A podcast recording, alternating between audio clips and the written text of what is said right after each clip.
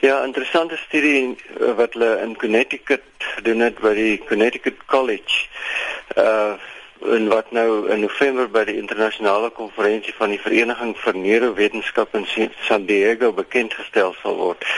Wat hulle gedoen het, hulle het uh, rotte in vorige eksperimente in twee kamers gesit. In die een het hulle hulle aan kokaine en morfine blootstel en die ander net aan 'n soutoplossing. Ehm um, en baie lank daarna het uh, nadat die hierdie uh, kokaine en en soutoplossings verwyder is, het die rotte nog steeds gebly in die kamer waar hulle die die verslawende middels gekry het. En uh in die breinstudies wat hulle daarna gedoen het, hulle gesien dat dit word baie duidelik die plesierdeel van die brein word baie duidelik geaktiveer.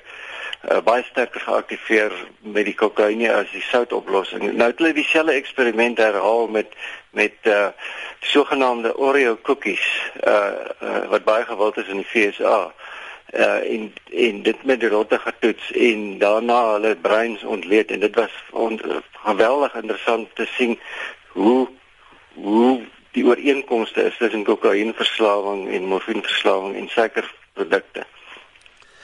Ons SMS vraag juis vanoggend uh, hoeveel beheer behoort 'n skool of plaaslike owerheid of regering uit te oefen om die soort verslawende produkte te beheer?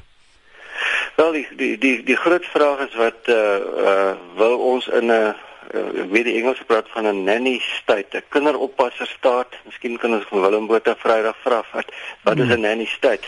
Maar die die die burgemeester van New York, Michael Bloomberg, het dit probeer. Uh, hy het uh, so rukkie terug probeer wetgewing in New York uh, deurvoer dat uh, hierdie geweldige groot uh, porsie skooldrank wat jy kry saam met uh, kitskosse uh, as deel van 'n spesiale aanbieding beheer moet word in restaurante en kitskosplekke en dat dit nie behoort ge te gebeur nie.